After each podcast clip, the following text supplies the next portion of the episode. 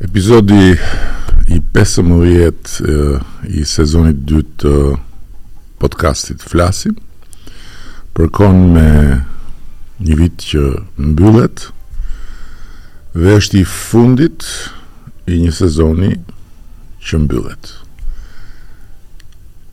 Teksa Viti mbyllet, besoj se nuk mund të kisha një privilegj më të madh dhe një të ftuar më të përshtatshëm në prag të festave të fundvitit, të cilat hapen me Krishtlindjet. Dhe jam këtu me imzot Arjan Dodajn. Faleminderit shumë për Faleminderit juve për ftesën. pranimin e ftesës dhe kemi një bised shumë të veçantë me një njeri të zotit, edhe pse të gjithë jemi njerëz të zotit, por ka njerëz të zotit, ka dhe njerëz që e përfaqësojnë zotin institucionalisht, po themi, në këtë tokë, E ndër ta pa dyshim janë edhe përfaqësuesit e klerit katolik. Unë kam pas mundësi t'ju takoj disa herë, është gjithmonë një kënaqësi realisht sepse ju lini pas gjithmonë një energji pozitive. Por nuk kam pas rastin t'ju pyes si erdhi tek ju vokacioni për të ndjekur këtë rrugë Nga familja, nga rrethi shoqëror, nga rrethanat e vendbanimit, nga një takim me dikë, nga një thirrje e befasishme misterioze nga lart. Është një pyetje që i përket në mënyrë ekzistenciale jetës time dhe mendoj që në fund fundit çdo ekzistencë është një thirrje. por është bukur kur e shofim në këtë prospektivë sepse atëherë ndjehemi të tërhequr nga një zë që fillimisht na duket jashtë, por në vërtetë pastaj shohim se si Zoti me gjitha këto realitete që ju përmendët, në të vërtetë ka thurur ekzistencën tënde, por ti kapesh ke fija e parë.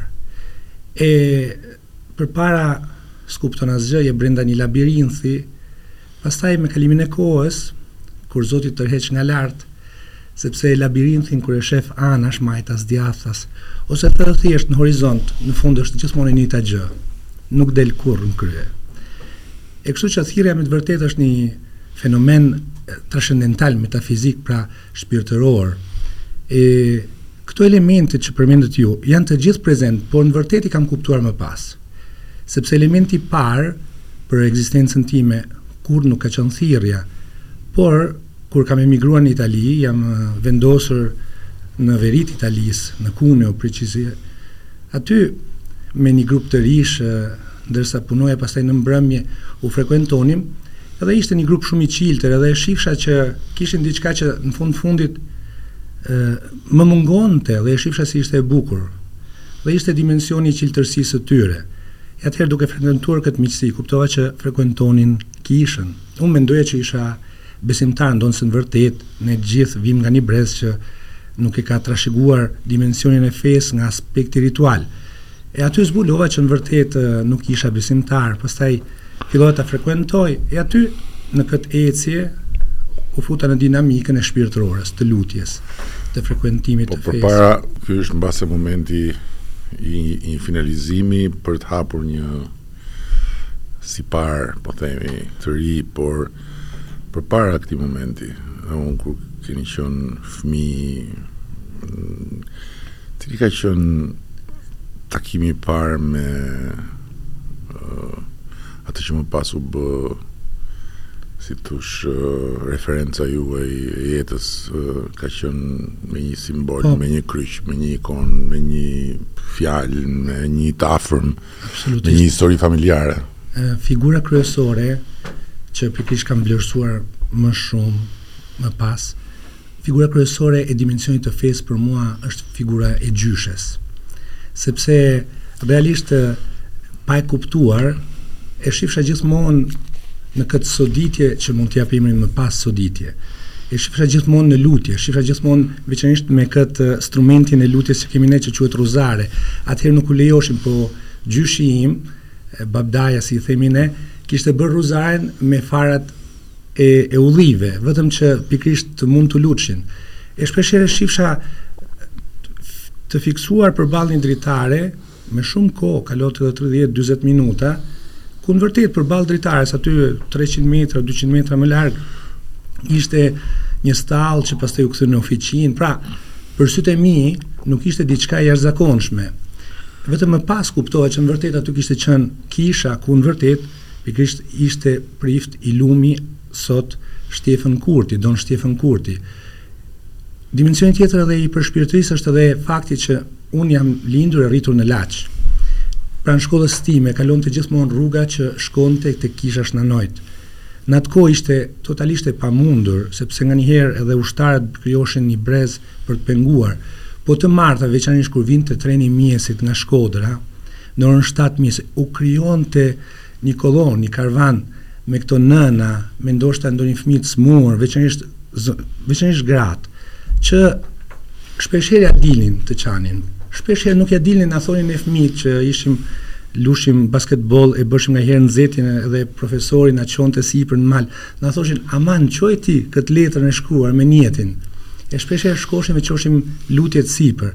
Pra, Zoti na kishte punuar por pikërisht isha në këtë labirinth që më pas ë e kuptova. Pastaj mbas këtij kontakti të parë me këtë grup njerëzish në Cuneo me këta djem si e hodhët hapin tjetër, pra si iu afruat derës kishës, ku trokitët? Trokitja e parë është në përvojën veçanërisht të sakramenteve. Për ne katolikët është shumë themelore ë misteri i mishërimit të Zotit.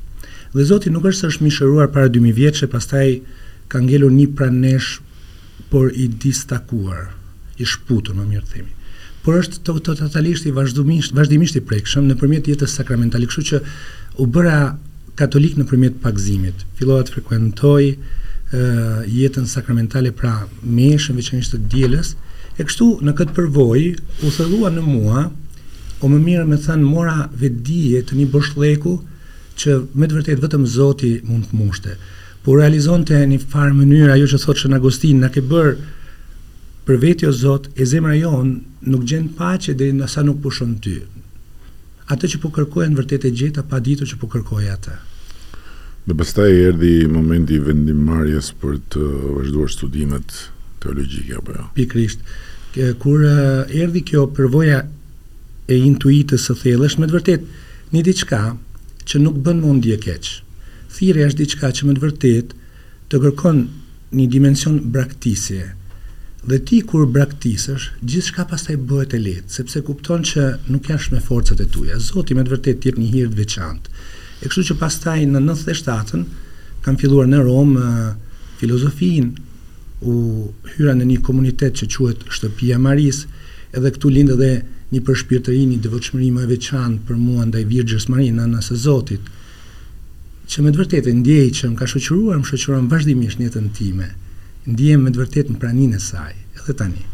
Pastaj mbas studimeve ju vendosët të qëndronit atje, donit të vinit Tu apo erdhët u shkut prap atje se nuk e di ecurinë e Unë kur kam emigruar kam isha shumë i ri isha 16 vjeçar edhe një farë mënyrë pastaj edhe formimi edukimi im edhe mendësia kështu u brumosën aty më shumë e kështu që nuk e kisha menduar kurrë tu kthesha në Shqipëri për këtë arsye edhe kur U shugurova meshtar, e më kujtohet shumë mirë si tani. Ë, në jetën time isha i lumtur të zhvillosha misionin tim meshtarak aty në Romë, ku në vërtetë pastaj kishte qenë formimi im. E aty kam vijuar për shumë vite, për pesëmbëdhjetë vite, derisa ë dikush është informuar mbi mua e Monsinjor Frendo më fton pikërisht të vija këtu në Shqipëri për të shërbyer. si zëvendës i tij për Arqidioqezën Tiranë-Durrësit në dy mijë e shtatëmbëdhjetë. Po ndërkohë kishit ardhur në Shqipëri në ato 15 vite apo? Po, po, po, po, unë vija një herë në vit, vija veçanërisht kur më shumë mbaroshim aktivitetet tona gjatë vitit baritore para se të filloshin të tjerat. Javën e parë të shtatorit vijsha një javë, e takosha prindrit, motrën, të afërmit e kështu pastaj rikthehesha. Ata vetë si e pritën këtë zgjedhjen e kësaj rruge? Ba, e, familja ime konsiderojmë konceptin edhe traditës, kulturës tonë, djali vetëm, djali parë, e kështu që ka qenë një një vështirësi fillimisht, veçanërisht nga ana e familjes time, nga ana e babait, Por, ka qenë një me të vërtetë një shkrirje akulli në ditën e shugurimit tim. Aq sa, babai im kur Gjon Pali i Dytë më ka shuguruar, më pas më tha, Po neve pse s'e bëmë kungimin? Po i thashë, po ti deri deri para shugurimit ishe kundër. e kështu që filloi një proces shumë i bukur i afrimit të fesë edhe për për babain veçanërisht, edhe kështu që me të vërtetë edhe ky dimension i jetës meshtarake është një dimension Shumë i bukur në harmoninë me familjen. Po si është raporti i një prifti katolik me familjen e vet? Ndërkohë që në njërën anë përkushtimi si të thuash final dhe nënshtrimi final ndaj Zotit i imponon Që të marrë faktikisht përsipër që të mos ketë familje. Nga ana tjetër, familja, familje i bëhet grigja e besimtarëve. Dhe është interesante të kuptojmë Se çfarë ure ekziston midis familjes së kishës dhe familjes së atij që dikur ishte fëmija që lindi aty, që ka nënën, ka babain, ka vëllezërit, ka motrat, ka kushërinjtë, ka të afërmit. Si si bashkëjetojnë këto të dyja? Është për neve shumë themelore, mendoj që veçanërisht është themelore për çdo bir të Zotit, sepse kemi një hierarki urdhërimesh dhe mund ta ndajmë në tre e, stade. Stadi i parë është raporti me Zotin, pastaj me të afërmin e pastaj me realitetin, që do me thënë. Pra, në këtë hierarki Duaj Zotin tënd, në këtë dashuri për Zotin, Shën Jaku na thotë pastaj po, po ti s'mund ta dush Zotin që nuk shef, nëse nuk don vllain që shef. Atëherë, dashuria ime e vërtetë me prindërit e mi, si meshtar, është autentike në dimension që është i vërtetë dashuria ime për Zotin. Por duke më thirrur Zoti edhe si mëkëmbës të Krishtit për këtë grigjë siç edhe juve e nënvizuat, dashuria ime për Për Zotin është para së gjithash, veçanërisht për ata që Zoti më beson si populli i Zotit. Dhe realisht familja ime e parë në rendin shpirtëror është me të vërtetë çdo vlla e çdo motër që Zoti më beson në jetën shpirtërore, në jetën baritore. Në të njëjtën kohë ekziston pikërisht edhe urdhri i dashurisë për prindërit. që është pikërisht direkt mas raportit të urdhrave për Zotin, një, dy, tre, të katërtit, duaj prindrit e tu. E, e kështu që është me të vërtetë. Dhe është e drejt që prindi mos marri kurrë, kurrë vendin e Zotit, sepse është, në fakt, siç ka qenë gjyshja ime, është prindi që duhet na përcjelli këtë hierarki, sepse Në Zotin jemi gjithmonë të lidhur. Dhe në Zotin gjithmonë kjo dashuri është më e lirë, është më e frytshme. Në këtë rrugëtim deri më sot, përveç përkushtimit dhe lutjes dhe momenteve të të si të thuash shkëputjes si rezultat i përkushtimit dhe i lutjes Që kanë të gjitha të bëjnë me ju si si njeri, si qënje. Keni pas në një moment kur uh, keni përjetuar diçka që nuk do ta shpjegonit dot me sytë e realitetit apo me arsyet e dijes objektive, pra ka ndodh diçka ndonjëherë në jetën tuaj që nëse do ta dëgjonit nga dikush tjetër do thoshit mbase ky njeri po fantazon. E bukura është që këto gjëra Zoti ndoshta i bën dhe në ne dhe i bën, po na jep gjithmonë provën tek ata që na shoqërojnë o që na bëjnë me, me taku. Sepse hiret e Zotit nuk janë kurrë për ne. Ne jemi vetëm strumenta.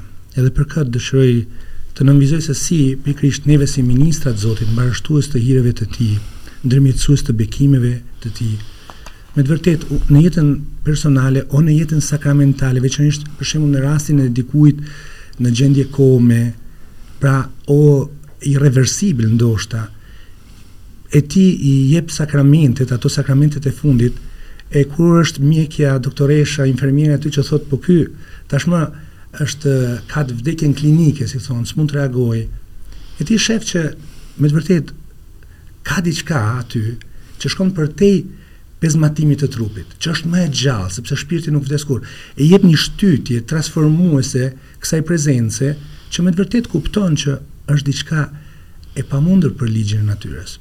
Një herë më ka rastisur t'i jap sakramentin e vajimit një personi. E ky personi kishte bërë një ndërhyrje në zemër, ishte në Romë në një spital pranë famullisë, më thrasin në mëngjes. E me sa dukej kishte momentet e shkurtra. Dhe ishte siç janë në reanimacion janë krejt me vetëm me, me një mbulesë, kështu që janë par, par, janë plotësisht të hapur.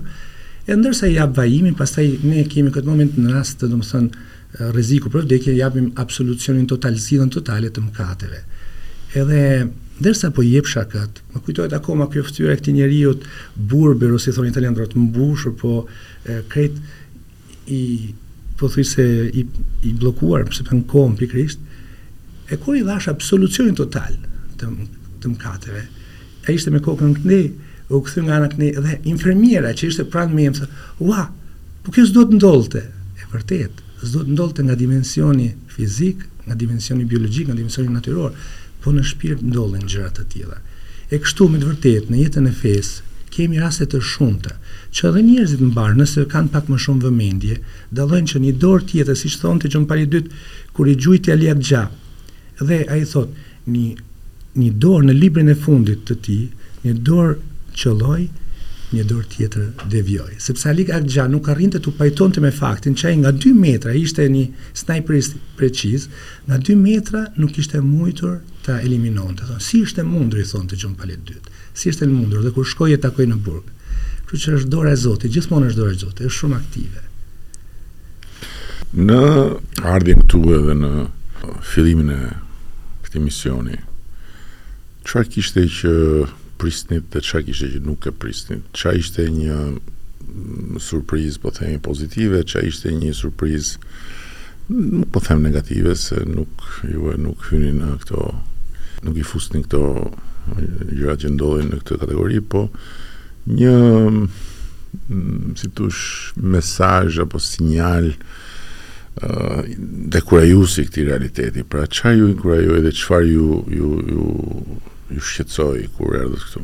Unë, kur kam ardhë në Shqipëri, siç thashë nuk e kisha planifikuar, por, për faktin që kurrë s'e kisha menduar, kur m'erdhi papritur kjo kërkesë, këtu, pastaj e bashkëndava këtë kërkesë me atin tim shpirtëror e bashkëndava me me kardinalin e Romës dhe më tha, po dëgjo papa e don shumë Shqipërinë, e kështu që po të pyetëshin papën, papën do donte që ti t'u kthehesh në Shqipëri.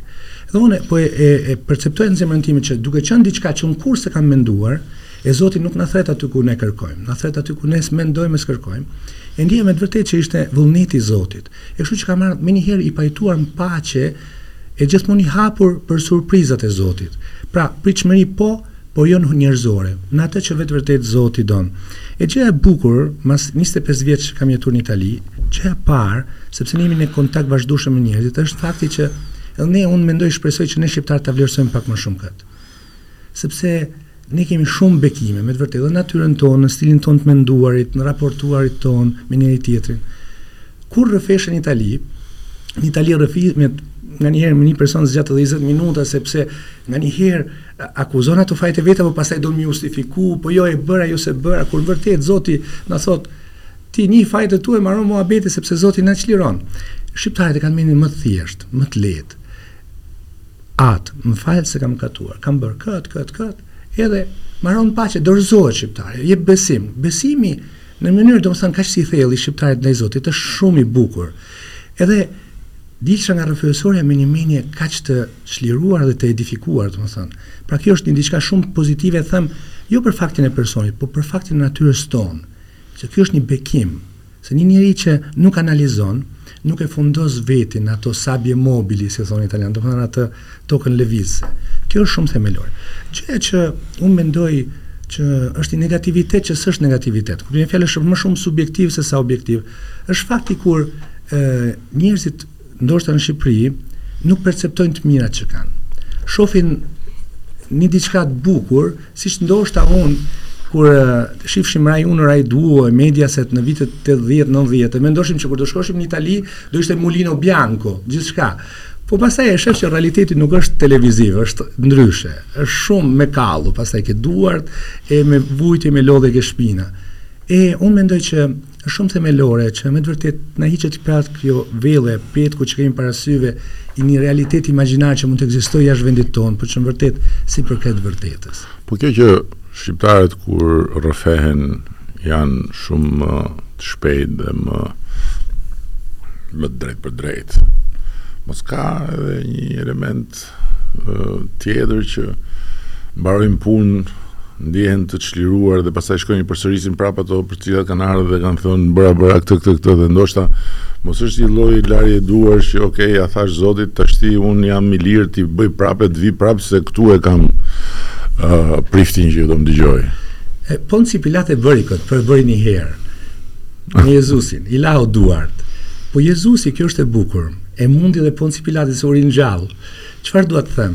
Edhe kur vdes shpresa në ne për një faj o për një falimentim, në dimensionin e fesë katolike, përballë pyetjes së Pjetrit që i thotë Jezusit, po mirë, sa herë ta fal vllain tim, i thotë ai, shtatë herë, hajde, bëra kaq shumë.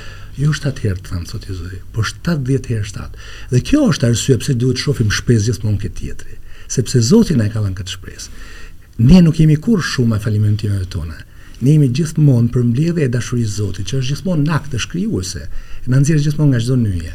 Unë e kisha pak me me dilemë nëse duhet ta çoja në një në këtë drejtim ku do tentoj ta çoj bisedën, po ë Nga ana tjetër, mendoj që s'ka një rast tjetër për ta bërë këtë, kështu që do t'ju jo ngacmoj, po do t'ju nxis pak. Uh,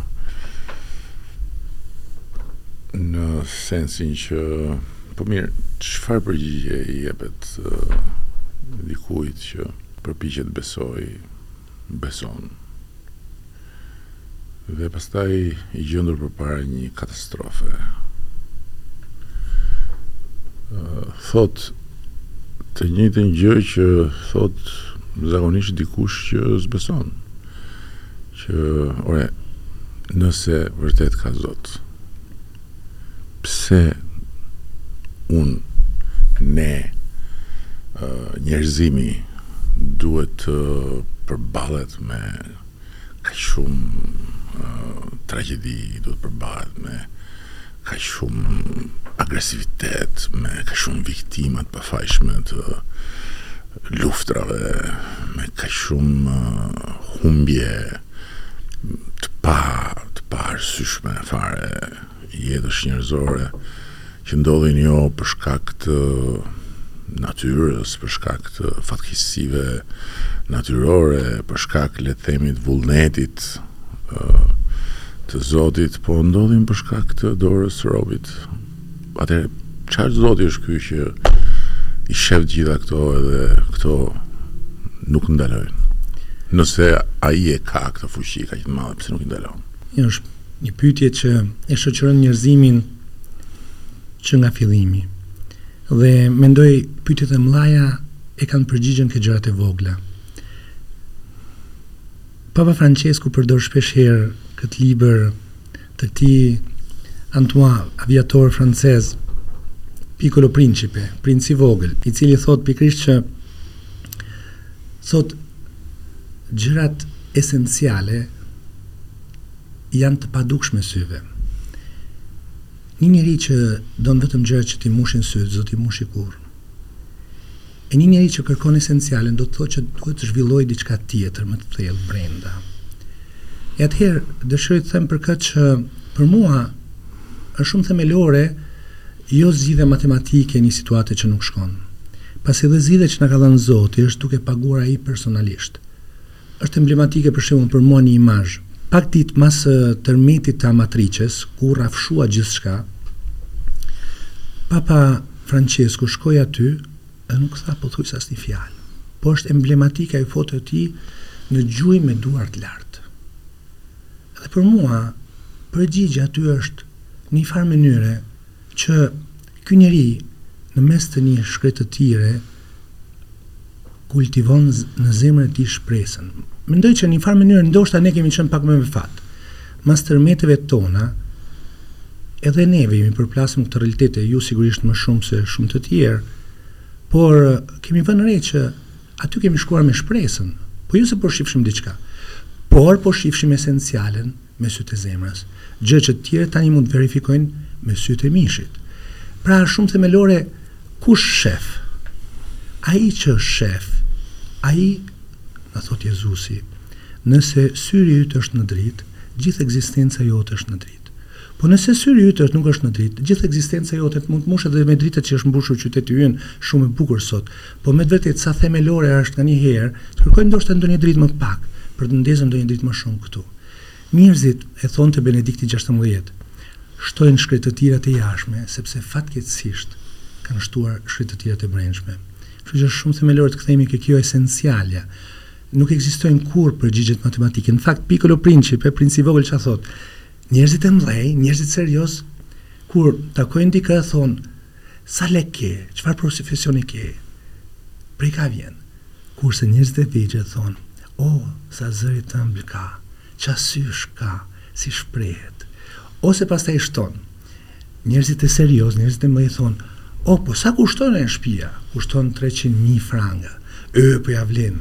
Kurse njerëzit e vegjël thonë, sa të bukura lulet aty ke parvazi dritareve. Sa e bukur ajo detaj, ajo pikturë. Pra, është shumë themelore nga cila perspektivë ne e shohim realitetin. Jam dakord që është një pyetje nga ato të mëdhajat që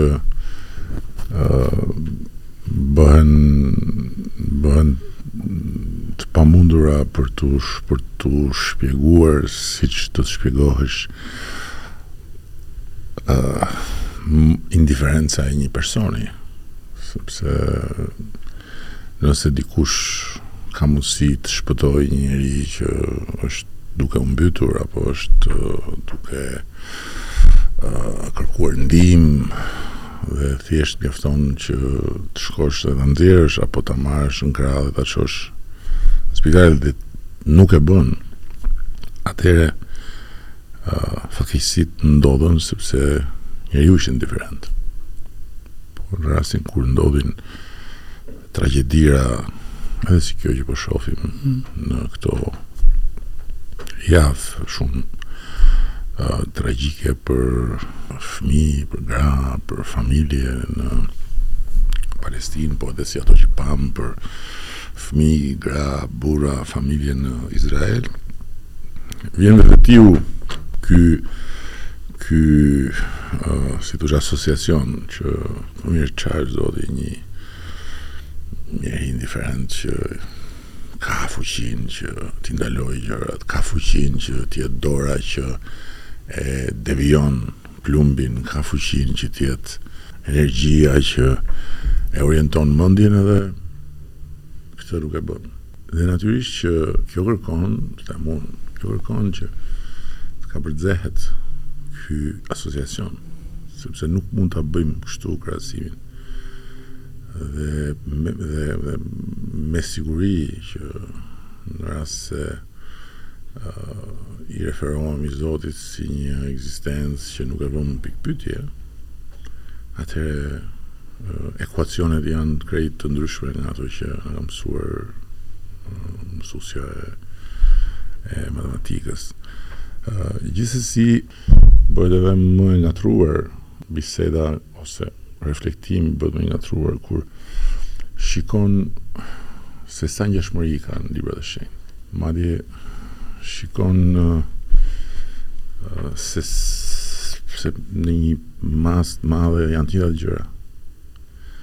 Dhe se çfarë tmerri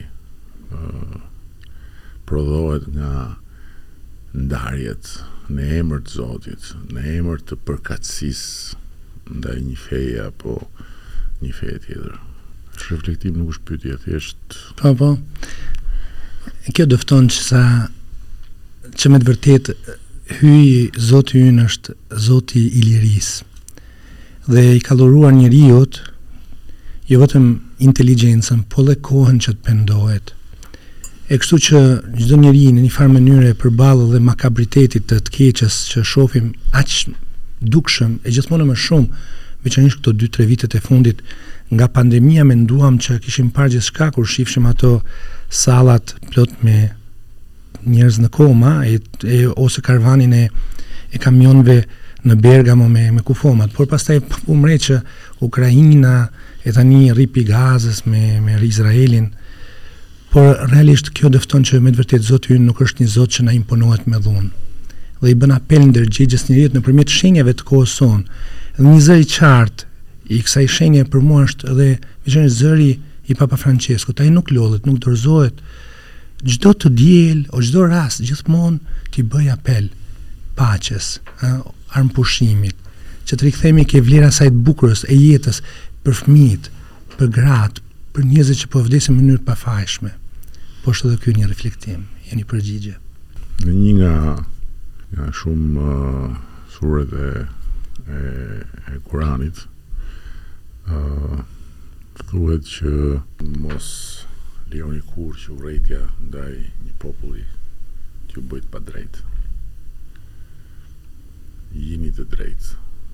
Dhe kjo është është realisht një thirrje që praktikisht e kanë të gjithë librat e shenjtë. të cilët kapërcejnë kufijtë e imagjinatës së së përcaktuar nga përkatësia në një fe apo në një fe tjetër apo në një fe tjetër.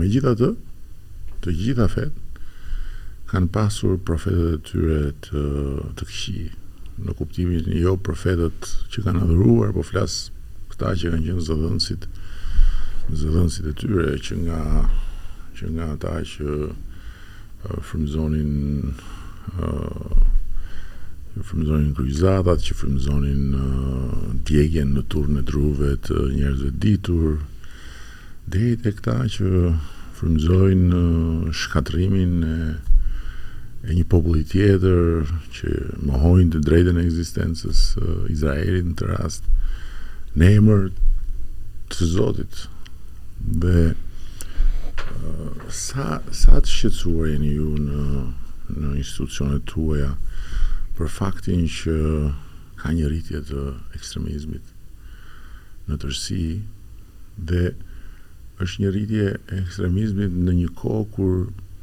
dija ka përparuar shumë, kur mundësitë e komunikimit janë shumë më të mëdha dhe kur teorikisht do duhej që njerëzit të ishin më të informuar, të ishin më më të vetëdijshëm për të keqen dhe të mirën në kuptimin e pasojave të një veprimi apo të një veprimi tjetër, të një të një rreshtimi apo të një rreshtimi tjetër.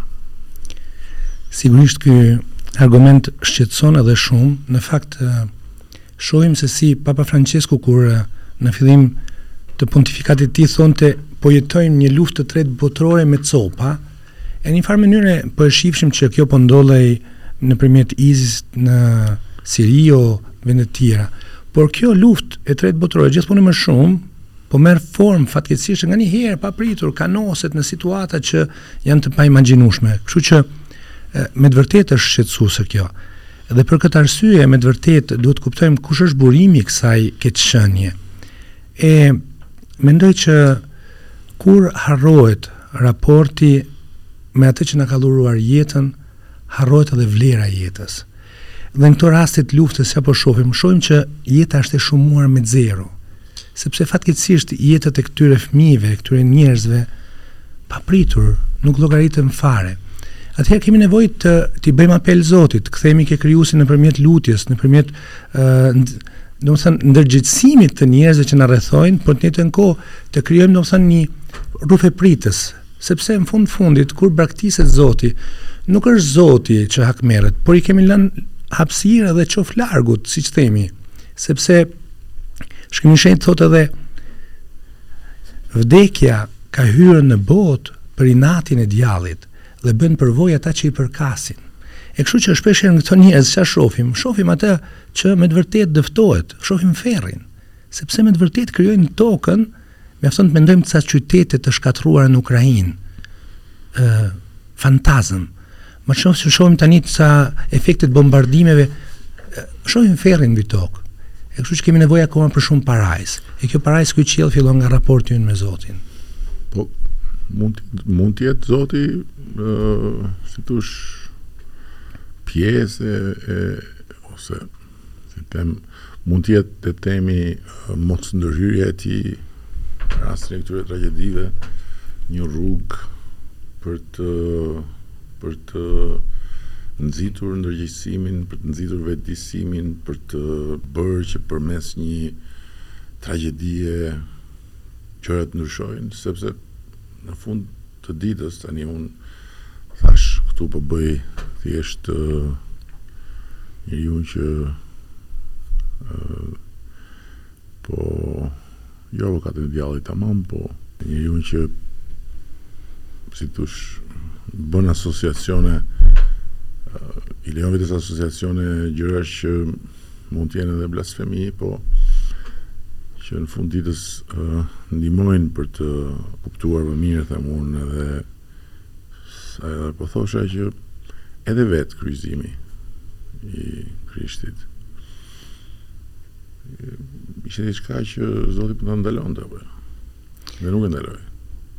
Në fakt, po mendoja pikërisht këtë moment. Ishim shumë të lidhur shpirtërisht në këtë moment, sepse po mendoja pikërisht kryqëzimin e Jezusit ndër fjalët e tij të fundit, çfarë thotë, le, Eli, Eli, lema sabaktani, Zoti im, Zoti im, pse më ke braktisur?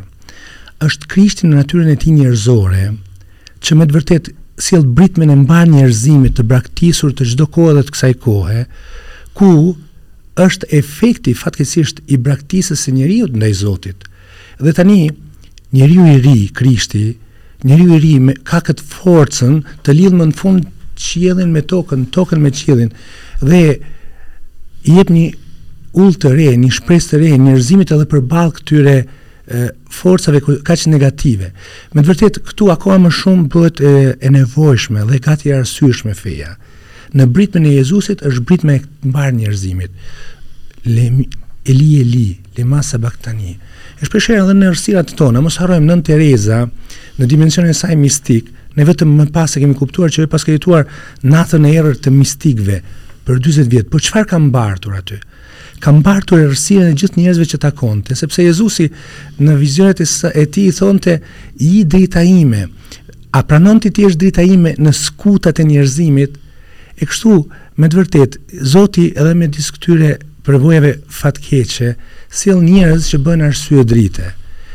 Për këtë që kemi nevojë me të vërtetë për më shumë misionarë, më shumë të dërguar të Zotit, por që edhe dëgjojnë zërin e tij, në mes të errësirës edhe mes shkretirës. Po pra, po domethënë që, uh, si të thuash skena, është e njëjta. Është një Golgota e vërtetë. Dhe dhe në momentin kur Zoti um, e e braktisi uh, njeriun tek i biri, ajo që erdhi më pas ishte një ndryshim shumë i madh Në aspektin që pastaj fjala e tij u shpërnda në mënyrë eksponenciale. Ndërkohë që për sa kohë ishte në gojën e vetëm birit të tij ishte fjala e njeriu që disa e merrin për të çmendur, disa e merrin për mashtrues, disa e atëherë A është mëkat të mendosh që edhe çfarë po na shohin sytë sot është e njëjta gjë? Jo, jo, përkundrazi, nuk është mëkat, por shumë themelore që të shofim dhe pasi mas, pra pasin që thatë juve, që pikrisht u bëj frytshëm me fjalën e tij Jezusi, pas edhe ofertës së tij. Po pra, po në këtë rast, dhe... në këtë rast flasim për tragjedi që Marrin qindra mijëra jetë të pafajshme. Atëherë mos janë këta si ata si si ai qingji i sakrifikuar për një si thosh qëllim më të madh, për një forcim të dritës nga nga rritja e intensitetit të errësirës? Sakrifica në këtë rast edhe të pafajshme Nuk është një sakrificë e kërkuar nga Zoti, por fatkeqësisht është ligështia e njerëzve të këqij që kanë përqafuar kauzat e këqija. Kjo... Po Zoti, Zoti këtë sakrificë, pra këtë negativitet ka forcën ta transformojë në bekim, në mirësi. Zoti vepron e përmbys të keqen. E thotë dhe Shën Pali, ku me bollek është e keqja, mkati, aty është më me bollek hiri i Zotit, sepse siç thonte edhe Shën Gjon Pali i Dytë, Limiti që Zoti i ka vënë të keqes është mëshira hyjnore. Dhe me të vërtetë në këto raste kemi nevojë me të vërtetë të kemi sy feje. Nuk është e lehtë për një që ndodhet në këtë situatë, në një bombardim. Nuk është e lehtë. Por mendojmë dhe kthehemi prapë ke gjyshet tona. Çfarë kanë përjetuar? I ka majtur gjallë në mes mjerimit I ka majtur gjallë feja. Kanë pasur dritë në sy. E shifshim në sytë e ta e tyre dritën. Ka një shprehje që më ka bërë jashtëzakonisht përshtypje tek Talmudi që thotë paqja është më e rëndësishme se e vërteta. Unë personalisht në përpjekjen time për ta për ta kuptuar çfarë do të thotë kjo, them se mesazhi i kësaj thënie është që mos e kërko të vërtetën përmes luftës, po i jepi mundësi paqes të ndihmojë në kërkimin e të vërtetës. Nuk e di, a, a jam... Unë mendoj është shumë thjesht, ndoshta do ta thosha me fjalët e Shën Palit, veritas in caritate, caritas in veritate, që do të thotë që e vërteta Pa paqen, pa dashurinë është sakrifikuese. E atëherë që të arrijmë paqen, kemi nevojë që ndoshta të sakrifikojmë ca të vërtetat tona. Nganjëherë, mund të kemi të dy të drejtë, por është më e madhe e drejta e mirëqenies, e bashkëjetesës, e harmonisë, e vllazërisë sonë. Në fund të fundit, sa herë ndodh në familjet tona, vllai i madh, i thotë nëna, po ti je më i madh tani, leja, të voglit ose anasjelltas mbas situatës. Kështu që nanjëherë për hir të një dashurie më të madhe është themelore të kemi këtë shpirtin e gatshëm të një sakrifice për të ruajtur së bashku ë, këtë harmoni. Tani unë gjithmonë do të unë kërkoj kërkoj të falem për kufijtë e dijes time dhe për pakufishmërinë e injorancës time në raport me me këtë sferë Po të paktën me sa un di brenda kufijet kufijve të dijes time dhe me guximin që t'i jep pakufishmëria e injorancës ka një element ndër disa që unë shoh si element dallues me sfera të ndryshme që lidhet me reagimin tek Talmudi Edhe te Kurani kemi indikacione të qarta që mund të reagosh me forcë. Ë për shembull ë edhe tal, Talmudi thot nëse dikush vjen të pushtojë qytetin tuaj, atëherë ngriuni në këmbë dhe reagoni me forcë. Ë po kshu Profeti Muhamed, paqja e Zotit qoftë mbi të, ka mesazhe shumë të qarta për këtë. Ndërkohë që tek Bibla dhe tek Testamenti i Ri në mënyrë të veçantë sepse të vjetrin nuk mund të them se kam sado injorant në këtë aspekt, kam do të kurajën që t'i referohem me siguri. Nuk ka reagim me forcë. Në fakt, beslidhja e re është pikrisht kjo. Megjithëse ka një ka një moment. Ka një moment mm -hmm. uh, force që është shumë interesante dhe kam dëgjuar shumë debate si t'thush manipulative në një farë mënyre, po për momentin kur Krishti hyn në tempull. Po. Aty ka një moment force. Po, po prap Është një moment force që nuk është reagimi ndaj ushtrimit të forcës mbi të. Pikërisht. Por është një moment i përdorimit të forcës për të ndryshuar status quo-n.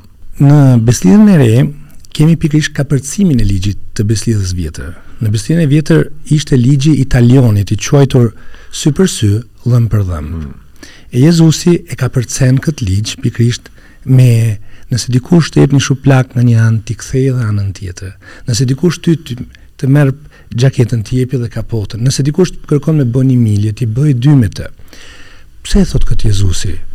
Jo sepse duhet të jemi naivë ose të marrë, por sepse forca e fitores së Jezusit është forca jo e ligjit të dashurisë si rregull jete, po e ligjit të dashurisë si prani në ekzistencën tonë nëpërmjet mishërimit Të Jezusit në ne. Është Jezusi që e bën në ne këtë. Nuk jemi ne të aftë. Nëpërmjet jetës së re në Krishtërim, Krishti banon në ne. Në çdo të pagëzuar është vula e dashurisë së Tij. Ë është shumë e bukur kjo përgjigje që jep Nën Tereza këtij gazetari që i rrinte një javë, dy javë mbrapa me i bën një intervistë, ajo s'pranonte, e ndërkohë e ndiqte rrugëve të Kalkutës. E një herë shef me të gërbulurit aty që po i pastronte mes plagëve, edhe ky afrohet i thotë, po, Unë s'do e bësha këtë dhe për një milion dolarë, dhe ajo i thotë, po dhe unë s'do e bësha për një milion dolarë, po atëherë pse po e bën? Po s'po e bëj, po e bëj sepse Jezusi ma, ma nxit ta bëj, sepse Jezusi banon në të. Pra shumë themelore ligji është i shoqëruar nga forca e dashurisë, nga prania e Jezusit në ne. E kjo është forca e mishërimit në misterin e Krishtlindjes. Jezusi banon në ne. Edhe një pyetje nga këto të thellat, po themi, se pastaj uh, mund të për, mund të humbasim unë të paktën ju e jo, po unë mund të humbas se ju jeni bari, unë jam një nga delet, që po është një një nga kënaqësitë më të mëdha që të udhëtosh nëpër librat e shenjtë të feve të ndryshme. Edhe të gjesh momentet ku ato janë si një. Janë si një dhe sikur janë përkthime të ndryshme të njëjtit tekst. Sikur një gjuhë e sipërme është përkthyer dhe janë përkthime të ndryshme. Në këtë parashtrim, unë dëshiroj t'ju pys Ju keni një uniformë tuajën,, hoxha ka një uniformë të veten, rabini ka një uniformë të veten, dhe pastaj ka shumë llojshmëri uniformash edhe brenda atyre gjithë kategorive të ndryshme. Dhe uniforma në njëfarë mënyre është dhe një përkatësi skuadre. Ka brenda jush një moment të brendshëm Që është pjesë e pandashme se s'ke se si e ndan për sa kohë edhe ju jeni njeriu që përpiqet po që pikërisht pse vazhdon përpiqet është njeri ka kështu një moment të brendshëm uh, superioriteti në sensin uh, për shembull po bëj një krahasim shumë shumë vulgar Unë luaj me Dinamon basketboll edhe ne kishim ato uniformat tona ata dhe problemi ynë ishte Partizani që ishte si të thuash uh, uh, ekipi që vinte diktaturën në uh, kampionatin e basketbollit se ata ishin gjithmonë të parët dhe kishte momente që Ndieja epërsinë e uniformës tyre. Apo edhe në kur s'luan vetë, kur bashkohesh me një skuadër, e cila fiton, ti në mënyrë në mënyrë shumë fëminore, po dhe shumë misterioze, Si të thuash njehsohesh me uniformën e fituesit edhe sheh uniformën e tjetrit si diçka që ti s'do doje ta ose njerëzit kur blejnë bluza, shkojnë blejnë uniformën e skuad. Ka një moment kjo uniforma që të fut në këtë uh, shpirtin e kompeticionit edhe ndje edhe që ju ndjeheni Okej ne katolikët që jemi më ose ata ose ka një moment kjo kështu apo s'mund të bëhen rrëfime këtu në jo pse në dritë pse hapur. pse ë absolutisht unë mendoj ky është një tundim që mund të kenë të gjithë e kemi të gjithë në në ndërgjegjen time mua më shoqëron vetëdija një vetëdije shumë e qetë e paqtë që është ajo që thotë Papa Françesku, revolucioni i butësisë. Nëse ti ndaj tjetrit do afrohesh me butësinë e dashurisë së Zotit, sepse ti s'ke asgjë për të humbur, sepse Krishti ka fituar gjithçka për ty. Atëherë nuk ka arsye jo vetëm të jesh superior, por përkundrazi të bësh atë që Jezusi na thotë. Kush do të jetë i pari, të jetë i fundit dhe shërbëtori i të gjithëve. Dhe një ndër gjërat që unë tani ftoj gjithmonë meshtarët të bëjnë kur marrin detyrën e re, të fillojmë gjithmonë duke u larë këmbët atyre që Zoti na ka besuar. E kemi bërë këtë dhe para një muaji në një famulli kishën e re që mori një grup meshtarësh. Sepse vetëm me këtë forcë, pra me forcën e dashurisë, me revolucionin e butësisë, me të vërtetë mund mund vijë paqja. Dhe kur na shoqëron fakti që jemi të fortë Në dashurinë e Zotit. Dhe forca e shenjtëve ka qenë dashuria, siç forca e Nënë Terezës. Dhe gjërat e vogla kanë ngelur, sepse dashuria lën gjurmë të përjetshme, sepse Zoti është dashuri. E mendoj që në këtë dashuri, edhe ata që janë sinqertë, që besojnë në Zotin, po në fenë o në dimensionin e tyre, dallojnë që na bashkon çfarë? Dashuria. Zoti është dashuri. Në fenë katolike ka dëftuar fytyrën e tij nëpërmjet Birit të vet. Në fetë e tjera nëpërmjet shkrimeve të shenjta. Po Zoti është dashuri edhe kjo na bashkon. Sa vjet janë bërë tani nga momenti që u veshët meshtar? Njëzet, këtë vit filloi njëzet e një vjet. Kam bërë njëzet e një. Domethënë praktikisht ju e keni kaluar tre papë. Po.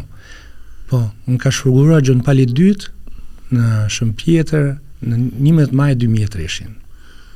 Dhe dhe nuk është sekret që tre papët kanë qenë tre profile të ndryshme, por edhe kanë pasur tre natyra të ndryshme lidershipi, udhëheqje, por edhe kanë pasur tre uh, qasje uh, goxha të veçanta dhe të ndryshme nga njëri tek tjetri në raport me mënyrën se si gjithë bashkësia katolike duhet të trajtojë çështje të caktuara, me mënyrën se si duhet përballet me situata të caktuara, me mënyrën se si duhet të reflektojë lidhur me Disa skandale që ë si do t'i karakterizonit ju këta tre pra sepse në një farë mënyre është ju keni domethënë kanë qenë tre udhëheqësit tuaj.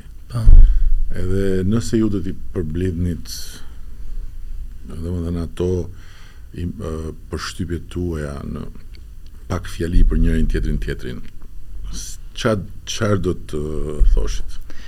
Duke thënë diçka për njërin nuk dua t'i heq diçka tjetrit. Jo, jo, jo, por dëshiroj të nënvizoj. Ata janë shumë komplementarë edhe pikërisht. Edhe nga ana tjetër janë si të thuash edhe një ë një mishërim i një faz, i fazave historike. Se i pari ë ishte ishte ai që vinte nga Një vend komunist që u bë si të thuash simboli i gjithë po themi bashkësisë katolike në përpjekjen për t'u çliruar nga komunizmi, ishte një papë, nëse mund të përdor këtë shprehje, më politik.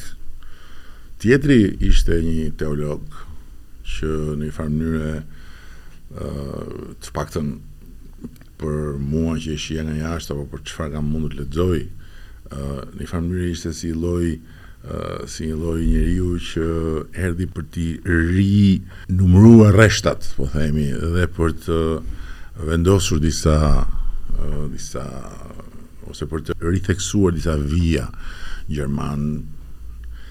Tjetri vjen nga një periferi, po themi e botës katolike, sigurisht nga një komunitet jashtëzakonisht i madh katolik në Argjentinë dhe vjen me atë me gjithë atë si t'thush frymën e shërbimit të Françeskanit që si po dhe në një kohë dhe me atë në një farë mënyre një lloj nuk, nuk mund të them rebel po një lloj distancimi nga mm -hmm. ajo ku, deri këtu e parë nga jashtë domethënë jam në gjendje të besoj ta shoh që për periudhat kur ata kanë udhëhequr ka pasur arsye të lidhura edhe me kohën për profilin e tyre. Megjithatë, kjo është e parë krejt nga jashtë, ndërkohë që nga brenda ju ju i keni pasur dhe dhe ndryshimi i këtyre udhëheqësve. Sigurisht që ka pas ndikim në si t'thush jo në drejtimin e përgjithshëm, po në mënyrën si ka ecur kisha. Si do t'i t'i definonit ju si influencë mbi ju flas? Me pak fjalë, mbi mua, figura e Gjon Palit 2 do ta quja një një gjigant ë që lind midis dy blloqeve, të lindjes edhe të perëndimit, pra blloku, blloku i lindjes komuniste e blloku pikërisht i botës liberale të perëndimit. Një gjigant i tillë që ka ditur me të vërtetë edhe këtë nënvizon Reagan e nënvizonte vetë Gorbachev, Helmut Kohl e nënvizon që nëse ka ra ky muri ndarës ka qenë falë pikërisht këtij gjiganti që ka ditur të ndërthurë ura e të shembë mure. Nga dimensioni i forcës tij shpirtërore dhe forcës tij të fesë. Pra, e ka bërë ballafaqimin me politikën, nuk i është shmangur asaj, por duke qenë i bindur mbi forcën e veprimit të Zotit në zemrën, ndërgjegjen, në inteligjencën e tij.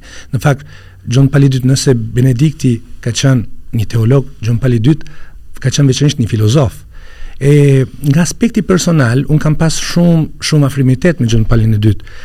Nga përvoja para së gjithash edhe një afrimitet edhe raporte viçi afër ndër shumë vite pothuajse çdo të diel sepse ne shoqëroshim një mik tonin kardinal e shoqëroja çdo të diel tek për për 6 vite në apartamentin A, ah, personal. Po po. Po po. Po po. po po, në apartamentin pontifik të Papës, kështu që çdo të diel është ai që na ka shuguruar, është ai që Gjon Pali dy që më ka dhuruar kelkun e parë të meshës, pra jam takuar shumë herë me të. Dhe realisht forca e Gjon Pali dy ishte depërtuese vetëm nëpërmjet pranisë dhe syve të tij. Edhe të banonte. Zoti të banonte nëpërmjet tij. E mjafton të thonte vetëm qoftë lëvduar Jezu Krishti, gjithçka u shkrinte, gjithçka heshte dhe depërtuese.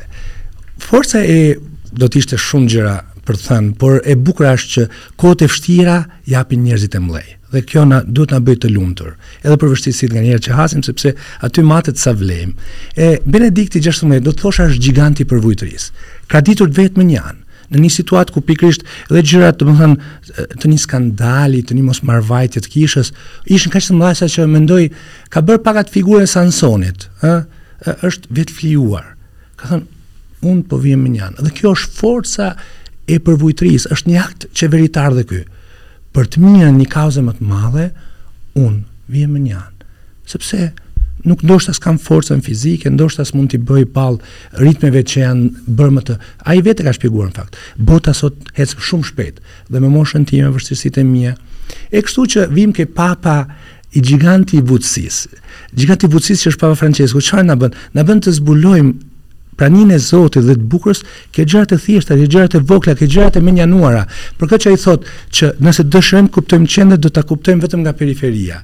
E kështu që papa i totalitetit, pra nuk hupet ke një e veçantë, po ke totaliteti, sepse me të vërtetë, atëherë, ndonjëherë ne humbim me jo, po kjo gjëja e vogël, po jo, shife totalitetin. Mendoj që është edhe ajo që duhet zbulojmë sot në Shqipëri ne. Shife totalitetin, mos rri tuj u mendu, jo, po do shkoj në emigrim dhe do të kem rrogën aq, po prit, shife totalitetin, sa do të ngelë në fund të mujit sa do të ngelë për familjen tënde, sa do të ngelë pas e, e, është shumë themelor një vizion më i gjerë.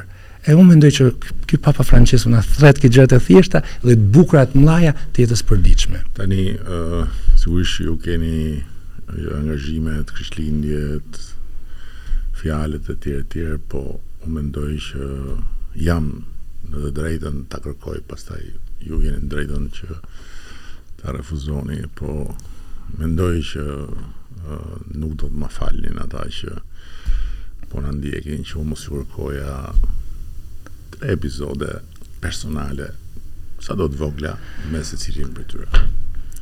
Episodi i parë që më ka në më prekur thellësisht në zemër e kujtoj si tani, po mendoja biles para ca ditësh, ka qenë me Gjon Palin e dytë, Kur ka kaluar herën e parë, isha në Piazza di Spagna në Romë, ishte festa e të papërlyerës dhe Papa zakonisht bën këtë nderimin ndaj Virgjës që është aty në statuj.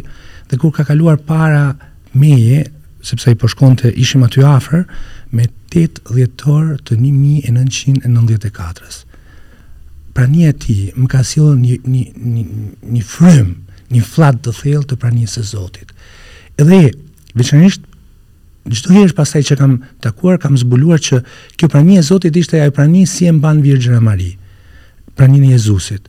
E kështu që kjo devotshmëri dhe ndaj Marisë më ka përcjellë Gjon Pali i dytë, me të vërtetë. Edhe më ka shënuar edhe në meshtarinë, sepse me të vërtetë ndjehem gjithmonë i lumtur. Unë gjithmonë edhe përballë sfidave më të mëdha Gjon Palin e dytë e kam parë gjithmonë të fortë, të bindur, por edhe të lumtur. Ecce homo, me të vërtetë, ishte me të vërtetë një burrë, një njeri i plotë. Benedikti 16, e kam takuar dhe atë disa herë, më rrallë, por, veçanërisht në Val d'Aosta, kur ishte me pushime, në verën e parë pasi ishte bërë papë, më preku me atë sytë e tij transparent, të shifte në sy të përcillte një prani të, të qiellit, të me të vërtetë të padukshmes. Dhe Benedikti XVI ishte me të vërtetë një një një mistik. Për këtë që dhe teologjia e tij nuk është thjesht vetëm një një gnosticizëm, pra dije, por është me të vërtetë një prani e Zotit kur lexon Jezusin Nazaretit tre volumet e tij ose Hyrje në Krishtërim që është një bestseller. Aty kupton që ky ishte me të vërtetë njeri në Zotin. Papa Francesco janë më shumë momente Papa Francesco. Me të vërtetë ndihem një fëmijë i tij. Nuk e di. Ai ka një dashuri të veçantë jo vetëm për mua, por veçanërisht për ne të gjithë shqiptarët. E ndoshta kur na takon neve që në një farë mënyrë përfaqësojmë më shumë o kishën katolike ose shtetin shqiptar, ai don që të zbrazi tek ky person krejt dashurinë që ka për popullin tonë, kështu që ne ndihemi dhe borxhli ndaj bashkatdhetarëve tanë. E kështu që raportet me të personale janë aq të bukura, por në të njëjtën kohë aq inkurajuese, por në të njëjtën kohë kur iluzionar. Për shembull, kur më dha paliumin, që është kjo që na identifikon na lidh më shumë me papët, me, e, sepse jam arqipeshkëv metropolit. Dhe duke qenë metropolit i Tiranë Durrësit, me 29 qershor të 2022-shit, më dha paliumin tha. E më tha, tani tha, përgatitu tha dhe për provat. Pra, edhe mu më ka shënuar kjo gjë. Dhe realisht ballafaqohem edhe me provat, e por kujtoj gjithmonë fjalët e tij. E është ngushëlluese. I vetëdijshëm që duhet me pagu, duhet me vujt. E thotë në fund fundit dhe Padre Pio, kur bënte ndonjë mrekulli të veçantë i thotë bijve të tij shpirtërorë i thotë bir im, po çdo gjë paguhet. Kështu që kanë bërë edhe nënat tona në fund fundit. Çdo gjë e bukur pa, të kanë paguar. Një detaj nga nga biseda me Papa Franceskun për për Shqipërinë, për botën, për uh, në një moment kur atëherë dua të them dy gjëra që kam këtë, këtë vit e kam takuar në apartamentin e tij me 12 maj kam ndejtur goxha me të ë detaji më i parë është se si kujton ai gjithçka të të asaj ka, që ka përjetuar në Shqipëri. Kujton vazhdimisht raporte personale, edhe me ju. Shpesherë, biles, pyet për ju, kujton historinë edhe të gjyshës suaj, po, po. e, e kjo është shumë e bukur. Kujton pastaj detajet për shembull të dëshmisë të motër Marie Kaletës, ose të Ernest e, Simonit, kardinalit tonë. Kujton në një farë mënyre atë situatën që përjeton edhe vendi ynë. Për shembull në tetor, unë i thashë Papa Francesku të lutem, A mund t'i japim një një një mesazh të rinjve shqiptarë, sepse kemi këtë dramën e hemorragjisë, po ata kanë nevojë për një inkurajim që ta shohin të ardhmen aty ku Zoti ju ka dhuruar jetën. Dhe menjëherë po po ta bëjmë menjëherë edhe po si ta bëjmë thashë, jo bëje ti me telefon, edhe unë aty papritur. E kështu që dha një mesazh shumë të bukur. Pra sa për zemër e ka, e s'kursehet kurrë. Pra me të vërtetë. Nuk ka mua më ka më ka bër përshtypje të jashtëzakonshme sa e kam taku. Por gjëja që që s'e harroj kurrë ishte kur erdhi këtu, sepse kur unë e takova, ai sapo ishte zgjedh papë. Edhe patëm atë audiencën edhe i tregova historinë, tani nuk është vendi sepse është pak e gjatë të përkatësisë time katolike dhe e lidhur me dilemat mes gjyshes gjyshit, prindërve etj etj. Jo dilemat në kuptimin që por dilemat në sensin që prindërit s'kishin fare asnjë lidhje me këtë botë të fesë. Gjyshja ishte katolike e devotshme. Gjyshi kishte lidhje, po Ishte një familje ortodokse etj etj. Dhe unë i tregova historinë se si gjyshja ime u bë shkak që unë të bëhesha katolik. Edhe atij i mbeti në mend historia. Por në fund të bisedës unë i them tani unë nuk mund të iki pa Ju kërkova i thash dy gjëra tani ne i përdor edhe shprehjen që lypja ka faqen e zezë po mbase nuk len pa gjë ça i thash se s'do jo i se thash do se do do më rrotullohej gjyshja në varr a s'do ma falte kurrë i thash unë isha këtu edhe nuk, e para të kërkoj të bekosh fëmijën që është në barkun e gruas time dhe e dyta të vish në Shqipëri. Për të parën tha s'ka problem tha, e bëjmë më njëherë dhe në fakt e bëri aty jashtë kur dolëm sepse ishin aty, ishte aty Linda shtatzënë. Për dytën tha biri im tha, Unë përfaqësoj Zotin në tokë, tha. Po unë nuk kam gjë në dorë për agjendën time. Edhe hy unë kur vjen letra mbas nuk e di sa kaloi, po kohë e shkurtër vjen letra që Papa Francesco vendosi vizitën e parë jashtë Vatikanit ta bëjë në Shqipëri. Dhe ishim në aeroport kur çon një mesazh piloti te kulla e aeroportit se zakonisht kur avioni futet në territorin çon një mesazh, çon një mesazh nga Papa. Edhe thot Papa Francesku përshëndet kryeministrin, i thot po vi. Dhe unë e mbajta fjalën. Dhe kur zbret, ma sjelli mu këtë. Më shikoi, na, kur zbret shkallët, i them, do, mirë se erdhët, dhe shumë faleminderit, që e mbajtët fjalën. Jo, tha, mos më falendero mua, falendero, tha, atë, tha, Gjyshen tënde. Ajo më solli mua këtu tha dhe ajo po të sheh edhe shumë kanal. Domethënë diçka e pa do më ka më ka. Dhe pastaj kam pas momente me të dhe kulmi ishte mbas vitesh kur dikush vjen nga Vatikani edhe më sjell një letër Të shkruar me dorë nga ai. Në fakt ai i shkruante dikujt tjetër dhe këtij personi që do vinte të më takonte mua faktikisht i linte porosi për dikë tjetër dhe për mua. Dhe ai ma la mua letrën, thoshte bëj shumë të fala dhe etj etj dhe pastaj thoshte dhe thuaj që unë e kujtoj gjithmonë gjyshen e tij. Domethënë, nuk e di, kjo është diçka mendosh që sa sa njerëz, sa gjithë botën, sa takon, sa po memoria fantastike, e paimagjinueshme. Fantastike. Dhe shpresoj që që Ta kemi përsëri këtu. Nëse do t'ia lejojnë dhe mjekët shëndeti. Po. Uh, jam shumë mirënjohës për këtë bisedë. Sigurisht që mund të vazhdonim pafund, po. jo, jo.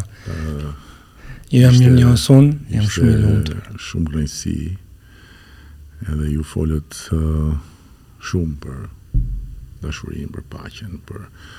Por, biseda Besoj unë, për mua po njëherë, po besoj dhe për ata që kanë pas durimin ta ndjekin deri këtu, shkoi pak më tutje se sa thjesht ajo që njeriu dëgjon kur është sheh dhe dëgjon një përfaqësues të kishës ose një përfaqësues të xhamisë ose një përfaqësues të sinagogës thjesht në distancë, kështu që fakti që mund ta bëjmë këtë bisedë në një distancë tavoline është vërtet privilegj.